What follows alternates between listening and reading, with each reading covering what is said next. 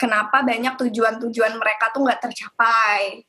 Okay. Itu mereka biasanya overthinking atau misalnya secerca uh, permasalahan pertemanan hmm. itu yang paling banyak juga sama okay. insecurity kayak kenapa gue nggak sebaik itu sih kayak gitu. Kenapa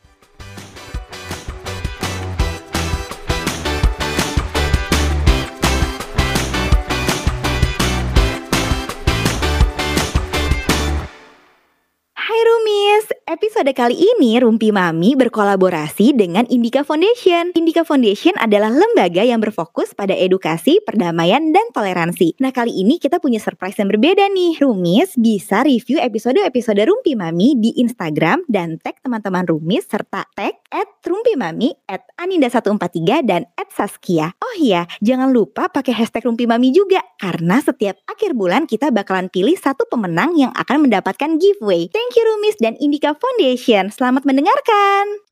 Hai Rumi. Hai Rumis. Ih, hari ini kita bakalan ngobrol-ngobrol lagi di Rumpi Mami. Nggak e, cuma berduaan aja sama Saski, tapi ada satu bintang tamu yang pastinya teman-teman Rumis kalian udah pada tahu. Si cantik, ih cantik banget ya pokoknya kalian pasti bakalan seneng yang cantik banget. Uh, uh, cantik banget yang uh, ini kayaknya dia tuh pengusung W WIOT Tau gak sas apaan tuh WIOT? Apaan tuh? Takut deh gue. Waktu Indonesia bagian overthinking. Ini kayaknya nih dia ikutan oh. di dalam situ. Jadi hari ini kita bakal ngobrol tentang quarter life crisis sama Dianti. Mana nih Diantinya nih? Hai Di. Hai Di. Aku Dianti. Halo. Aku nyebutnya apa nih? Uh, Rumis ya, aku ya, Rumis. Rumis banget ya kamu. Ya, belakangnya gorden aja cakep ya. iya. Kita aja udah menara Eiffel aja nih tetepnya begini mukanya. Gimana dong? Beda-beda ya, Bang. Kalau masih muda beda. eh dia lumayan Sas, jauhnya lumayan sama kita. Eh makanya. lumayan dekat. Perlu dibilang nih berapa? Tahu aja nggak apa-apa, Di, nggak apa-apa. Di, Di, coba Di ceritain Di. Di tuh sekarang kan kuliah ya di mana sih di kuliahnya terus ngambil apa? Oke, halo hmm. teman-teman Rumis, aku Dianti. Umur aku lagi audisi ya, audisi dia. Umur ya jadi aku okay. sekarang kuliah, mm-hmm. kuliah di Universitas Gajah Mada, terus mm-hmm. aku ambil jurusan Public Policy Management nih kak. Oh okay. ya ampun. Public okay. policy management hmm. itu belajarnya gimana tuh ya? Kebijakan manajemen kebijakan publik. Ah, ah, ah, ah. Wow. Yang eh tapi ke public policy itu menarik banget cuma biasanya aku nguliknya lebih ke kayak ya ada psikologinya gitu jadi behavioralnya nah kalau kamu kayak di manajemen public policy tuh ngapain yang dipelajari oh aku tuh lebih bahas kayak um, how to make a decision making gitu sih kayak kebijakan-kebijakan di um, misalnya di, uh, skala nasional atau misalnya hmm. di organisasi atau kayak as simply teknik bikin kebijakan tuh kayak gimana sih kayak gitu. Oh, Terus nanti tetap okay. ah, tetap ada sentuhan-sentuhan ilmu politiknya juga karena aku kebetulan mm-hmm. fakultasnya sosial politik kan gitu mm-hmm. sih. Kok bisa Agak pusing ya gitu sih? Di... Tapi itu men menarik loh, maksudnya kayak gue nggak tahu kalau itu ada jurusan itu di sini, berarti kan belajar nudging segala kan, kayak gimana nge-setting environment supaya bisa mendesain public policy tertentu gitu nggak? Atau kayak, ya kan? Nah. Um, sebenarnya um, menariknya di UGM itu ini tuh ganti nama rebranding gitu sih. Tadinya hmm. tuh ilmu administrasi negara. Pasti kakak udah ini oh tahu ya, ya, ya itu ada itu ada kampus gua ada. Ya, ya, ya. Di, ya dulu S1 gue juga ada. Bener-bener Iya, cuman habis oh. itu UGM nih pas tahun 2014 sampai 2013, 2014 hmm. sih kayaknya itu ganti nama jadi uh, manajemen kebijakan publik karena merasa hmm. kayak udah nggak mau lagi fokus yang terlalu birokratis gitu. Yep.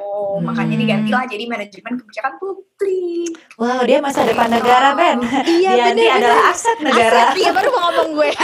dia adalah aset bener banget. Tapi ini Dianti nih super sibuk. Jadi selain cuman kuliah, Sas, dia tuh juga uh, punya ini uh, ballet jurnal gitu ya di tertata oh, iya, itu tuh. Oh, aku iya. pernah lihat, aku pernah lihat. Itu apa tuh di? Coba dong nih ceritain. Bisnis ini ya. Jadi um, sebenarnya itu bisnis uh, mm-hmm. tertata jurnal. Mm-hmm. Jadi awalnya itu uh, ini kak itu tuh jualan buku jurnal kan. Mm-hmm. Terus mm-hmm. lama-lama seiring berjalannya waktu kita ngelihat uh, mungkin ini kakak pada ngerti ya psikologis psikologis something coba, gini. Coba so gemes. Kita, tolong di tolong dikoreksi ketika ada kesalahan. lucu Lucu kan sos dia kan? Lucu makanya gue lucu rame anaknya. Nah, nah, jadi tuh awalnya kita emang uh, jadi aku dan partnerku ngerasa kalau Mm-mm. journaling itu sangat berefek lah buat well-being kita gitu kan. Kayak Mm-mm. bisa ngatasin stres habis itu juga bisa jadi apa namanya um, salah satu coping mechanism lah kayak gitu. Terus buat nata keseharian segala macam. Akhirnya kita kepikiran kayak eh jualan buku jurnal yuk gitu dengan fitur-fitur yang kita produce sendiri kita produksi sendiri gitu beberapa fiturnya eh seiring berjalannya waktu kita ngelihat banyak banget antusias teman-teman yang emang gini pertama ada yang sharing kalau mereka juga udah ngejurnaling terus ada juga yang sharing mereka pengen banget ngejurnal tapi nggak tahu. Dan akhirnya ada juga yang kayak belum pernah mulai sama sekali journaling dan nggak tahu apa itu journaling mereka juga mau ikutan gitu. Akhirnya kita ngerasa pas kita dapat engagement kayak gitu di Instagram tertata kita jadi pengen edukasi gitu loh kak. Jadi kita pengen edukasi pengen jadiin tempat belajar bareng kayak gitu jadi kita juga nggak menutup teman-teman yang tahu tentang journaling bahkan tentang psychology juga itu buat uh, involve gitu nah akhirnya kita bikin uh, tertata ini sebagai salah satu community kayak gitu Gila cakep keren keren banget. keren Cakep banget, cakep banget. nanti ngisi ya kita Boleh. kelas bareng ya Boleh, ayo ayo boleh, boleh. Oh, deh. Gemes. Di kamu semester berapa sekarang? Aku semester 5 sekarang Oh, sibuk oh, ya. lagi ini ininya ya.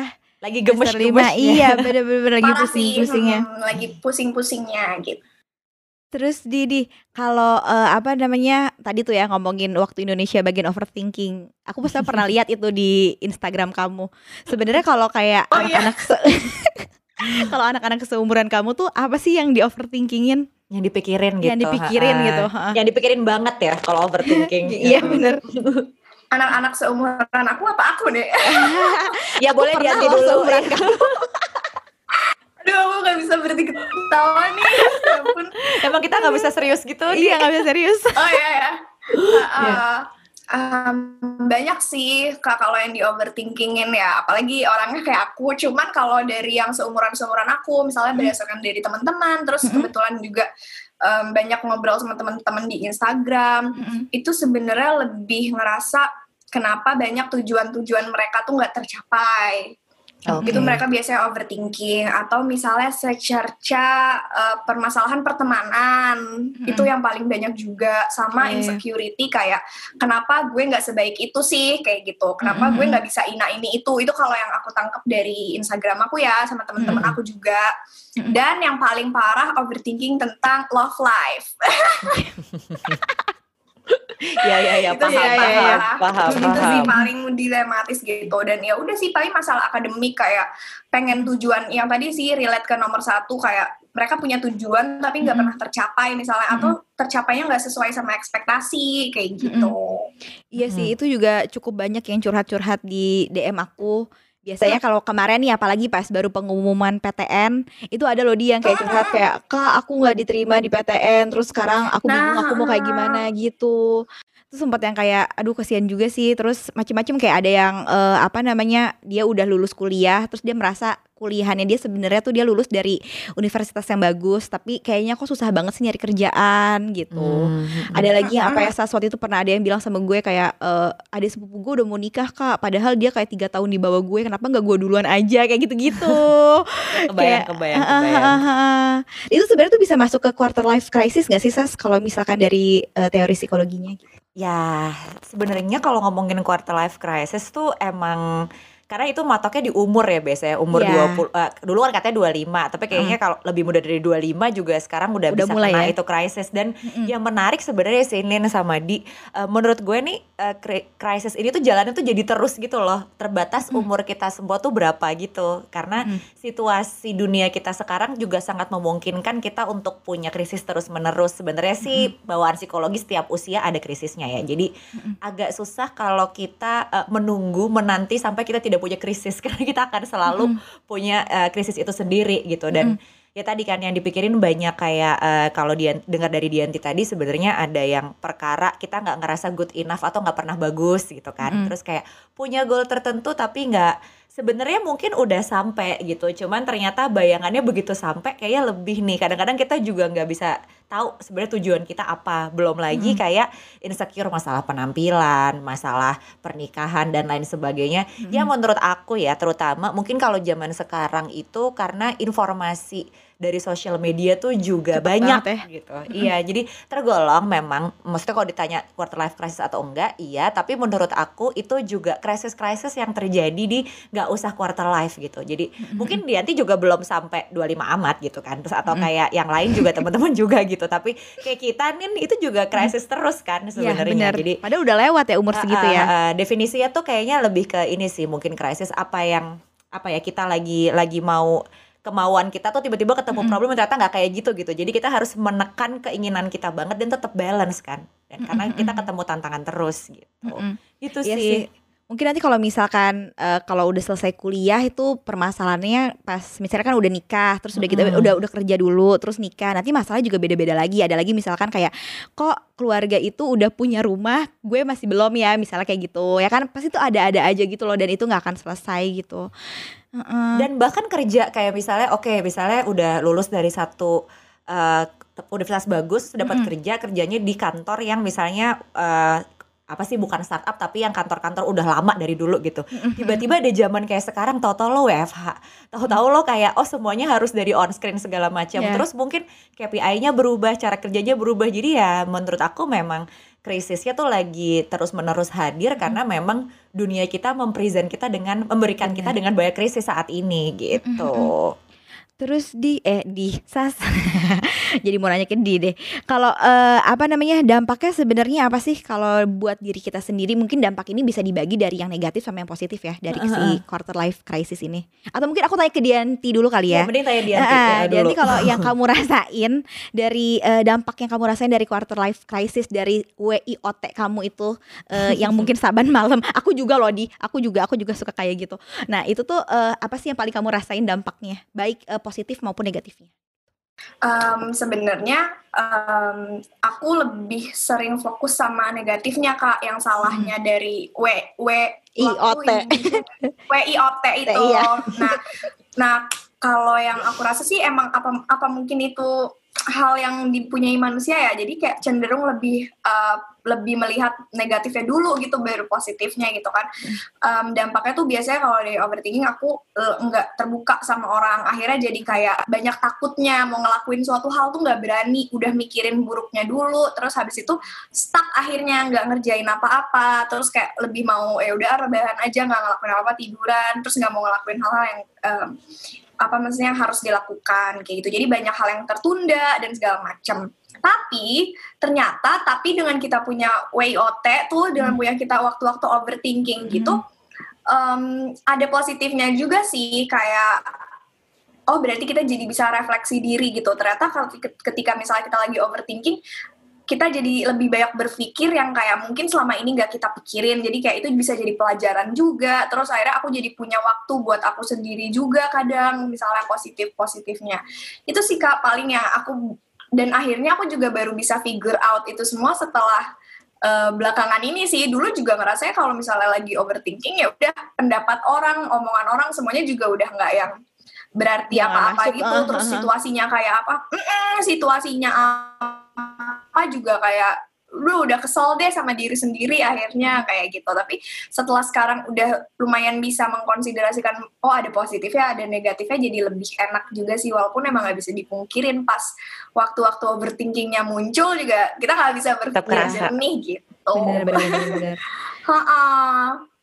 Kalau dari kamu gimana sas kalau menurutku itu kalau mm-hmm. dengar dari Dianti ngomong tadi itu uh, ternyata WIOT ini adalah lahan yang tepat untuk kita melatih daya tahan mental dan yeah. stres kita ternyata ya gitu. Jadi kalau dilihat tadi kan Dianti cerita dari sisi ada positif ada negatif ya, tapi ada positif ya gitu. Nah, semua hal yang terjadi sama kita kan selalu gitu ya karena kita nggak bisa milih. Kalau tadi mungkin sebenarnya kalau WIOT itu lebih yang pada saat itu kerasa banget stresnya kan.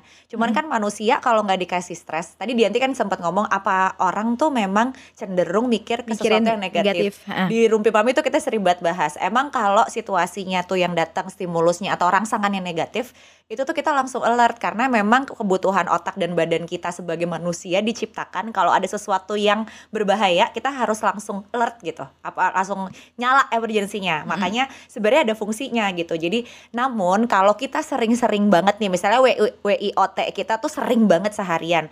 Kalau kita menangkap situasi yang membuat kita stres itu kan badannya ada alarmnya. Ketika ada situasi emergency kan di kayak semua situasi berubah kan di sekitar kita. Oh ada ada misalnya ada ambulans terus kita semua kayak semua orang keluar beresin barang semua cepet-cepet. Sama sama badan kita pada saat kita menerima sinyal stres semuanya berhenti melakukan aktivitas dia yang seharusnya.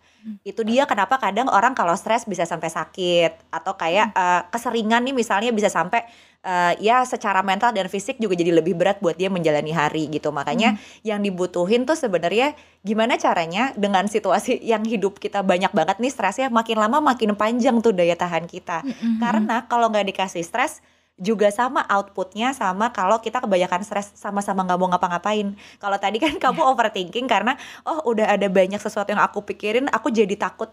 Aku dulu eh, nggak nggak zaman da- sedianti ya, sekarang juga masih suka kayak gitu ya, Nin. Kayak misalnya, aduh gue takut nih kalau mau minta tolong gitu. Akhirnya kita nggak minta tolong atau apa pun. Eh, padahal belum nyoba gitu, karena kita udah terlalu banyak analisis gitu, menebak-nebak eh, pikiran-pikiran yang ya emang gue peramal, gue tebak-tebak dia mau apa enggak atau ini bisa atau enggak gitu. Cuman kan itu otomatis ya di badan aku gitu. Jadi sebenarnya sih lebih ke situ. Jadi pada saat kalau tapi kalau misalnya aku nggak punya stres, misalnya aku nggak punya kebutuhan eh, apa ya misalnya punya uang atau nggak punya kebutuhan eh, apa anak aku harus sekolah atau Sekolah, misalnya iya. iya atau misalnya apa pun itu, aku juga jadi malas ngapa-ngapain kayak udah jadi ibu ratu, aku perlu apa gitu. Hmm, Jadi eh, itu dia kayak eh, harus sebenarnya memang krisis ini harus ada. Kalau di psikologi sebenarnya Ninda mungkin ingat ya materi nanti aku tanya Ninda. Kalau dia bisa dilewati, kalau kita bisa melewati satu krisis, kita bisa berkembang ke individu yang jadi lebih baik. Iya, benar banget. Karena kalau nggak ada krisis, basically kita nggak berkembang. Kayak Mm-mm. tadi Dianti bilang, ketika ada krisis, kamu punya waktu untuk kenalan sama diri kamu lebih dalam. Kamu tahu perasaan kamu apa, apa yang kamu pikirin, kebutuhan kamu apa, sehingga kamu semakin jago untuk mencari cara untuk berkembang menjadi Dianti yang lebih baik. Nah, kalau nggak ada kalau nggak ada krisis, eh, nanti kita jadi nggak ke gym, kita jadi nggak Iya. latihan dan lain Benar, sebagainya. benar, Menurut Ninda gimana? Iya, sama paling aku nambahin satu lagi mungkin jadi berpikir kreatif juga nggak sih? Sas, kita. Jadi kalau misalkan kayak tadi tuh, misalkan aku butuh banget Aku butuh uang banyak. Bagaimana aku mencari uang banyak? Nah, itu kan aku akhirnya berpikir kreatif ya. Untuk eh, apa namanya? eh, mencari-cari ide kira-kira aku harus melakukan apa nih yang bisa menghasilkan apa yang aku inginkan kayak gitu. Terus mungkin yang tadi juga sih yang kalau misalkan dari permasalahan-permasalahan kita ini kita tuh akan menjadi eh, orang yang lebih kuat daripada orang yang sebelumnya gitu. Plus sama kita jadi tahu cara coping kita kayak gimana sama apa namanya permasalahan-permasalahan kita gitu. Jadi kalau misalkan kita dapat masalah apa kita tahu oh gaya coping gue tuh kayak gini, gaya menyelesaikan masalah gue tuh kayak gini. Kayak misalkan nih aku dapat masalah terus udah kayak gitu eh, kira-kira yang pertama kali gue lakuin apa ya? Oh biasanya tuh kalau gue gue tanya nih pendapat orang atau misalnya gue curhatin sama orang. Oh berarti itu cara penyelesaian masalah gue yang biasa gue lakukan tuh kayak gitu gitu kan. Dan cara penyelesaian masalah tiap orang tuh pasti kan beda-beda kan. Nggak ada juga yang bisa disamain kayak misalkan lu nggak boleh cerita sama orang lu selesain aja sendiri ya nggak bisa kayak gitu juga gitu kan Edi. Nah ini jadi men- jadi jadi menarik ya aku mau nanya ke Dianti. Kayak eh, karena kamu masih muda banget kan terus kayak tadi aku dengar oh, eh, pertama kamu bikin tertata gimana kamu kuliahnya juga bukan kuliah eh, fakultas yang kayak itu mikir banget kan pasti Ya, tugasnya bener. banyak gitu loh. Terus kayak kamu juga di Instagram aktif juga gitu. Jadi eh, pasti kan banyak krisis dari hari maksudnya kelihatannya mungkin teman-teman nggak ngelihat kalau eh, Dianti ini punya kesulitan kehidupan Bener. gitu ya kan? Karena kan Lancar Iya, banget ya dia hidupnya. karena karena aku sama Ninda kerasa ketika kita misalnya apalagi kalau dari Instagram tuh kita kelihatannya tuh sesuatu ya bahagia bahagia aja gitu. Orang nggak pernah mikir kalau uh, kita berdua tuh punya kesulitan sesuatu gitu. Nah, apalagi kayak Dianti gitu kan masih muda segalanya masih masih banyak yang bisa diurus sendiri. Nah dalam menghadapi nih WIOT kamu tadi yang ketika kamu overthinking menghadapi krisis yang kamu hadapi yang membantu kamu tuh apa aja berdasarkan pengalaman kamu sampai bisa lebih chill gitu? Mm-mm. Oke, ih seru deh pertanyaannya. Em, jadi tuh eh, aku tuh seneng sih bahas-bahas eh, kayak gini karena sebenarnya juga eh, overthinking ini tuh nggak berhenti. Oh aku udah aku udah overthinking aku udah tahu caranya. Um, menghadapi diriku yang overthinking gimana itu tuh nggak selesai gitu. Iya, kadang benar. overthinking overthinking yang barunya juga malah bikin kita kayak kok permasalahan yang kemarin bisa aku selesain kali ini nggak bisa? Gitu. Karena ya tadi kan kak kayak kayak semuanya tuh ada prosesnya. Mm-mm. akhirnya aku tuh belajar dari hal-hal eh gimana ya hal-hal yang akhirnya menguatkan aku untuk bisa eh, paham nih kalau oh ternyata kayak gini beradaptasinya kayak gini. Itu sebenarnya pertama pengalaman pengalaman terus kedua tuh prosesnya dan yang ketiga tuh eh, apa namanya refleksi dirinya. Jadi Mm-mm. hal-hal yang bisa ngebantu aku dan tools yang paling ngebantu aku ya melalui journaling itu dan juga sebenarnya ngobrol sama orang-orang lain gitu. Kayak sekarang nih bikin uh, ki- uh, kita lagi di podcast bareng Kaninda Kak Saski aku tuh ngerasa kayak jadi punya insight baru loh. Jadi kayak bisa aku uh, lakuin dari uh, lima proses tadi itu. Yang kayak pengalaman proses refleksi sama journaling. Nanti tuh bisa aku masukin di tiap-tiap poinnya gitu. Ini kan berarti jadi pengalaman baru buat aku. Berarti prosesnya kayak gini. Terus aku refleksi diri uh, pas aku misalnya lagi overthinking aku ngapain? Kalau misalnya aku lagi uh, kondisi kayak gini ngapain? Dan biasanya aku juga suka uh, ini sih uh, rewarding myself juga um, bukan rewarding sih lebih tepatnya kayak lebih mengapresiasi gitu kayak gila gue keren banget udah bisa nyampe sini gitu kayak Iya. karena kan nggak ada orang yang karena kan nggak ada orang yang bisa tahu gitu kan proses Hmm. dibalik semua yang Iya, aku benar. lakuin gitu kayak ya orang ngeliatnya aku bahagia-bahagia aja gitu bener banget kayak yang tadi Asasi sama Kaninda bilang bahkan Kaninda aja pernah aku curhatin gitu loh yang kayak kak aku tuh galau kayak gitu. Maksudnya kalau bisa milih nggak jadi kayak gini aku juga nggak mau jadi kayak gini. Karena se melelahkan itu tapi di balik kelelahan itu juga ada hal yang bikin aku satisfying bisa ngasih informasi ke banyak orang. Bahkan gak cuman aku bisa ngasih informasi tapi aku bisa belajar juga dari orang. Mm-mm. Nah akhirnya proses-proses pengalaman itu, momen-momen itu yang akhirnya bikin aku bisa refleksi diri kayak oh ternyata di balik semuanya ada ini ini ini. Jadi ya aku berusaha untuk memanusiakan manusia gitu loh, memanusiakan diri aku kayak oh aku overthinking nggak apa-apa, aku insecure nggak apa-apa. Jadi mewajarkan hal-hal yang memang eh, dianggap orang tuh kayak apa sih lo tuh lebay gitu. Tapi Mm-mm. aku mewajarkan itu, akhirnya aku bisa nerima gitu. Paling itu sih hal-hal yang akhirnya membuat aku Sumpah ya Dianti tuh gak kayak anak Nggak- umur nggak 20 kayak- nah, tahun Ini gue mau tanya nih, eh, tadi kan Dianti bilang bahkan Dianti akhirnya cerita eh, bisa curhat sama Ninda gitu. Apa yang kamu dapat dari Ninda gitu? Soalnya a- a- anggap aja kan Ninda lebih dewasa nih. Sampai kamu reaching out ke Ninda berarti kamu mencari insight baru kan gitu. Jadi kenapa kamu memutuskan ke Ninda dan kamu dapat apa gitu? Nah, karena ini insight yang penting buat teman-teman. Tapi tuh gini sih kak maksudnya aku bahkan tuh belum pernah loh ketemu Kaninda in person kaget gak sih kayak aku belum Iya aku baru sekali. tahu. heeh. bener-bener cuman through Instagram jadi tuh awalnya aku aku seneng sama anak kecil ngeliat anak kecil Hmm. terus waktu itu masih lihat anak Kak Ninda pas masih kecil tuh si Hmm. Une Mm-mm. nah terus aku follow terus akhirnya aku follow Kak Nindanya juga kan Dan Ya, aku gak nge, kayak aku gak nge dia follow aku Oh, Aku gak aku tahu ya ngerasa aku tuh nggak tahu ya kak setiap ketemu orang misalnya terus kayak cuman ngelihat kayak aura dari foto atau misalnya dari em, cara bicara gitu. atau caption aku tuh bisa kayak uh, bisa kayak ih we have same frekuensi gitu loh jadi aku ngerasa Oh. pas aku kenal Kaninda aku langsung bisa berani buat kak kayaknya we have same frekuensi deh kayak gitu Hmm, akhirnya iya, iya. tiba-tiba bener ngobrol terus habis itu live IG bareng juga Mm-mm. terus ya enak aja gitu. Kita punya apa ya excitement yang sama. Jadi waktu itu akhirnya aku cerita juga ke Kaninda dan menurut aku um, meskipun mengetahui juga the fact bahwa Kaninda sibuk aku sibuk gitu. Jadi sebenarnya ketika kita ketemu lagi tuh bukan yang kayak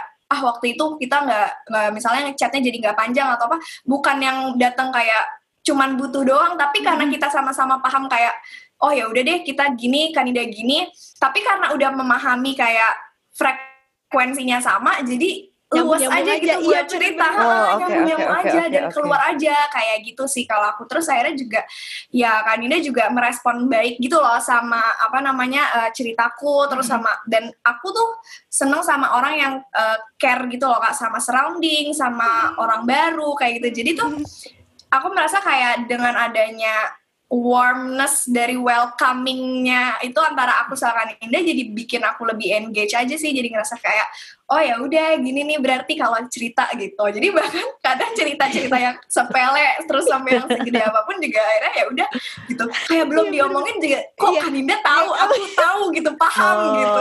Ini maksudnya ini kan di gitu ya kayak gitu ya Ah, ya. kayak gitu kayak gitu sih akhirnya ya. Aku dapet itu Aduh. sih. jadi aku juga belajar banyak juga kayak akhirnya yang aku ambil juga kak em, oh ya udah berarti memahami orang itu bisa dari poin-poin kayak gitu. Kayak eh, misalnya kayak mengetahui oh kita punya frekuensi yang sama ternyata dan mencoba memahami karakter orangnya terus habis itu juga memahami kayak apa yang si orang itu lakuin dan refleksi lagi kayak aku juga gitu nggak ya? Kayak gitu. Iya, aku iya. terhadap orang itu gimana ya? Terus aku eh, mau ditreat seperti apa ya sama orang jadi aku harus gimana ya sama Iya, orang kayak gitu sih aku Ya, akhirnya belajarnya emang gak kayak gak kayak anak semester 5 ya. Iya, ya kan, ya kan, ya kan, Gak kayak anak umur 20 tahun, lo tuh emang. Iya, soalnya tadi aku sebenarnya mau nanya karena eh, ketika kamu jawab saya jarang banget eh, which is very nice. Mungkin juga teman-teman sekarang pada kayak gitu ya karena kita eh, apa ya kesempatan kalian belajar dari mana aja tuh banyak banget. Ketika aku tanya eh, yang membantu kamu tuh apa? Kamu bilang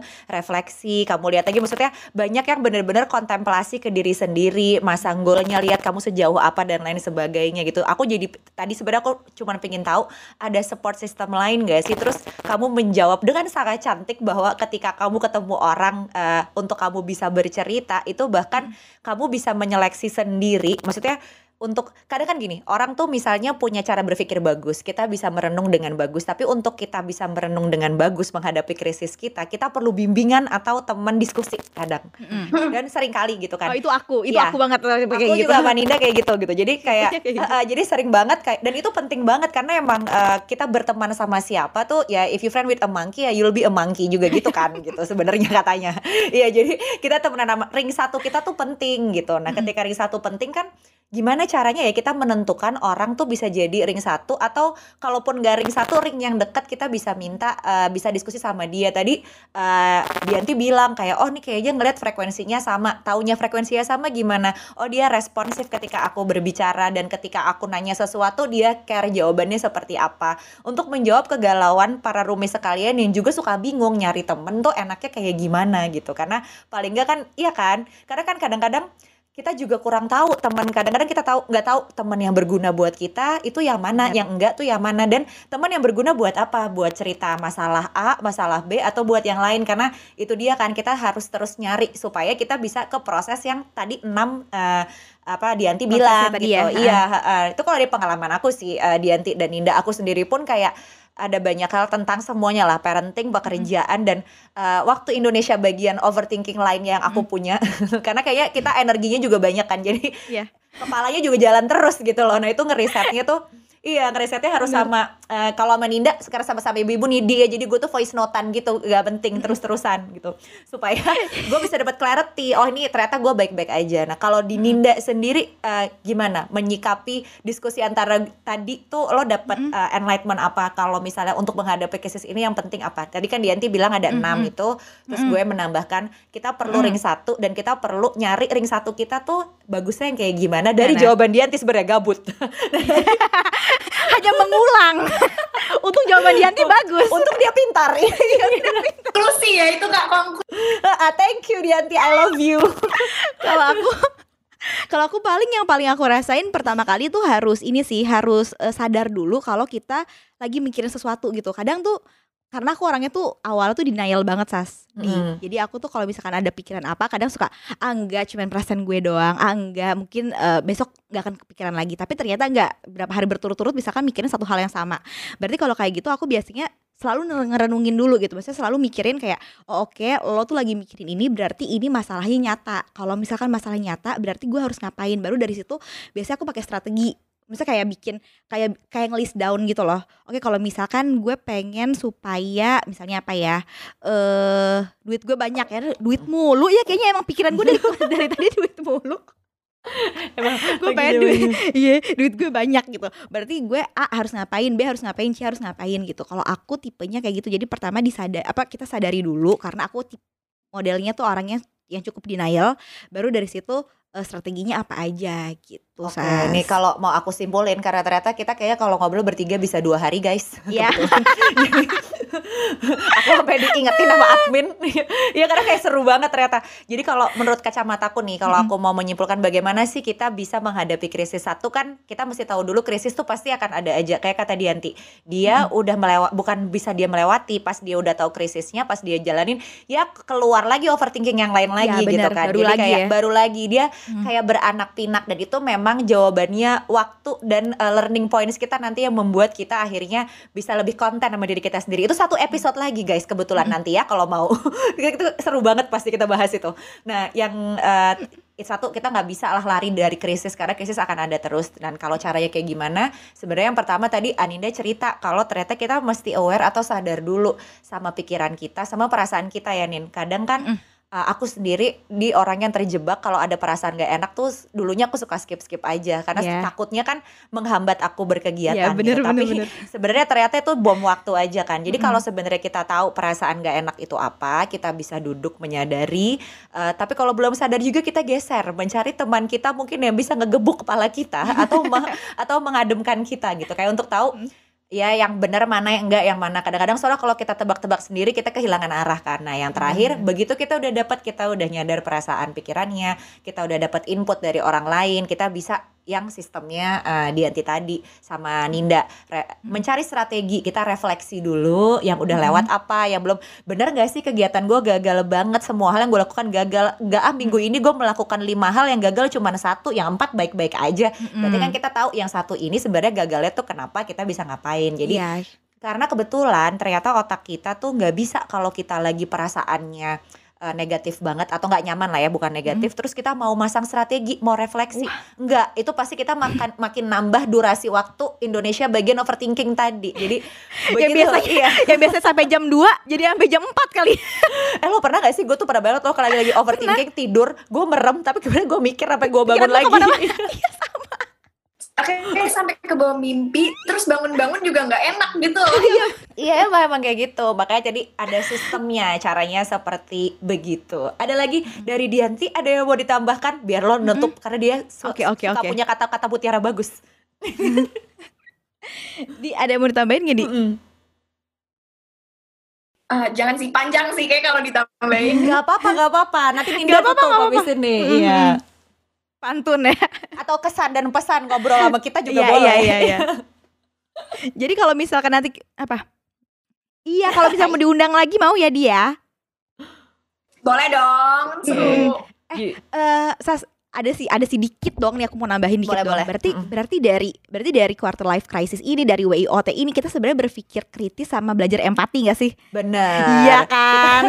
berpikir sebenarnya kita berpikir kritis sama uh, pikiran-pikiran kita sendiri tuh yang Iya, penting dan penting bener. nggak dipikirin tuh apa kemudian juga empati tuh jadi ke orang lain juga dan ke kita juga ya supaya krisis Mm. kita bisa terlewati gitu nah kalau dari Dianti ada yang mau ditambahin Kalau dari aku ya yang tadi sih poinnya em, pertama kita harus em, sadar dulu nih kita manusia jadi wajar banget kalau punya uh, overthinking, insecure, terus habis itu perasaan gak nyaman. Nah tapi setelah itu kan pasti ada tuh hal-hal yang kita kalau udah seneng tuh biasanya lupa kalau dulu sedihnya kayak apa gitu kan. Nah itu dia akhirnya mewajarkan aja bahwa diri kita tuh juga manusia dan akhirnya aplikasikan itu juga buat orang lain. Jadi ketika misalnya kita uh, kayak merasa, duh kok orang gini ya ke kita, tapi coba dilihat juga apakah kita pernah kayak gitu. Jadi kayak memanjakan dulu deh diri sendiri, manusiain dulu diri sendiri, akhirnya nanti kita jadi paham kalau treatment buat orang lain tuh seperti apa. Dan yang tadi kayak Kak Sasi bilang sama Kanida juga, it's all a learning process, jadi nggak Iya, akan kayak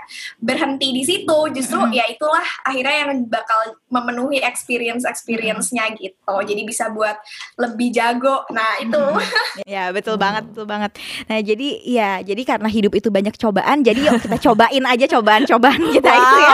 Ah, betul banget kan? quote, ya, Ya udah terima kasih banyak Dianti udah berpartisipasi di Rumpi Mami hari ini. Teman-teman Rumis juga jangan lupa ikutin giveaway-nya ya apalagi yang followersnya Dianti. Pasti kan kalian ngedengerin kan sampai habis nih ya. Oke deh terima kasih Rumis. Bye Saski. Bye Rumis. Dianti. Bye bye Thank you banget. thank you